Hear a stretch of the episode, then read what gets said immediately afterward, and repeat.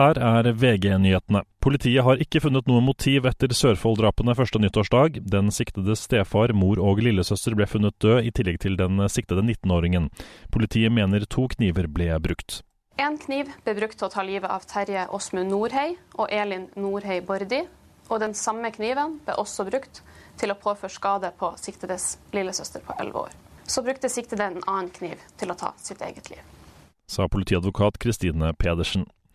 I dag starter ankebehandlingen av drapssaken på Noresund i Krødsherad i april for to år siden. En kvinne ble stukket med kniv gjentatte ganger, og hennes ekssamboer ble dømt til 15 års fengsel for drap i tingretten.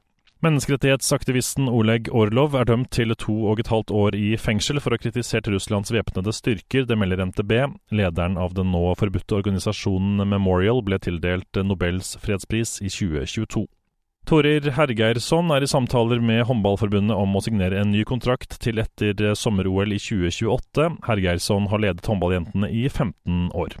I studio Andreas Hagen Håkonsen, nyhetene får du alltid på VG.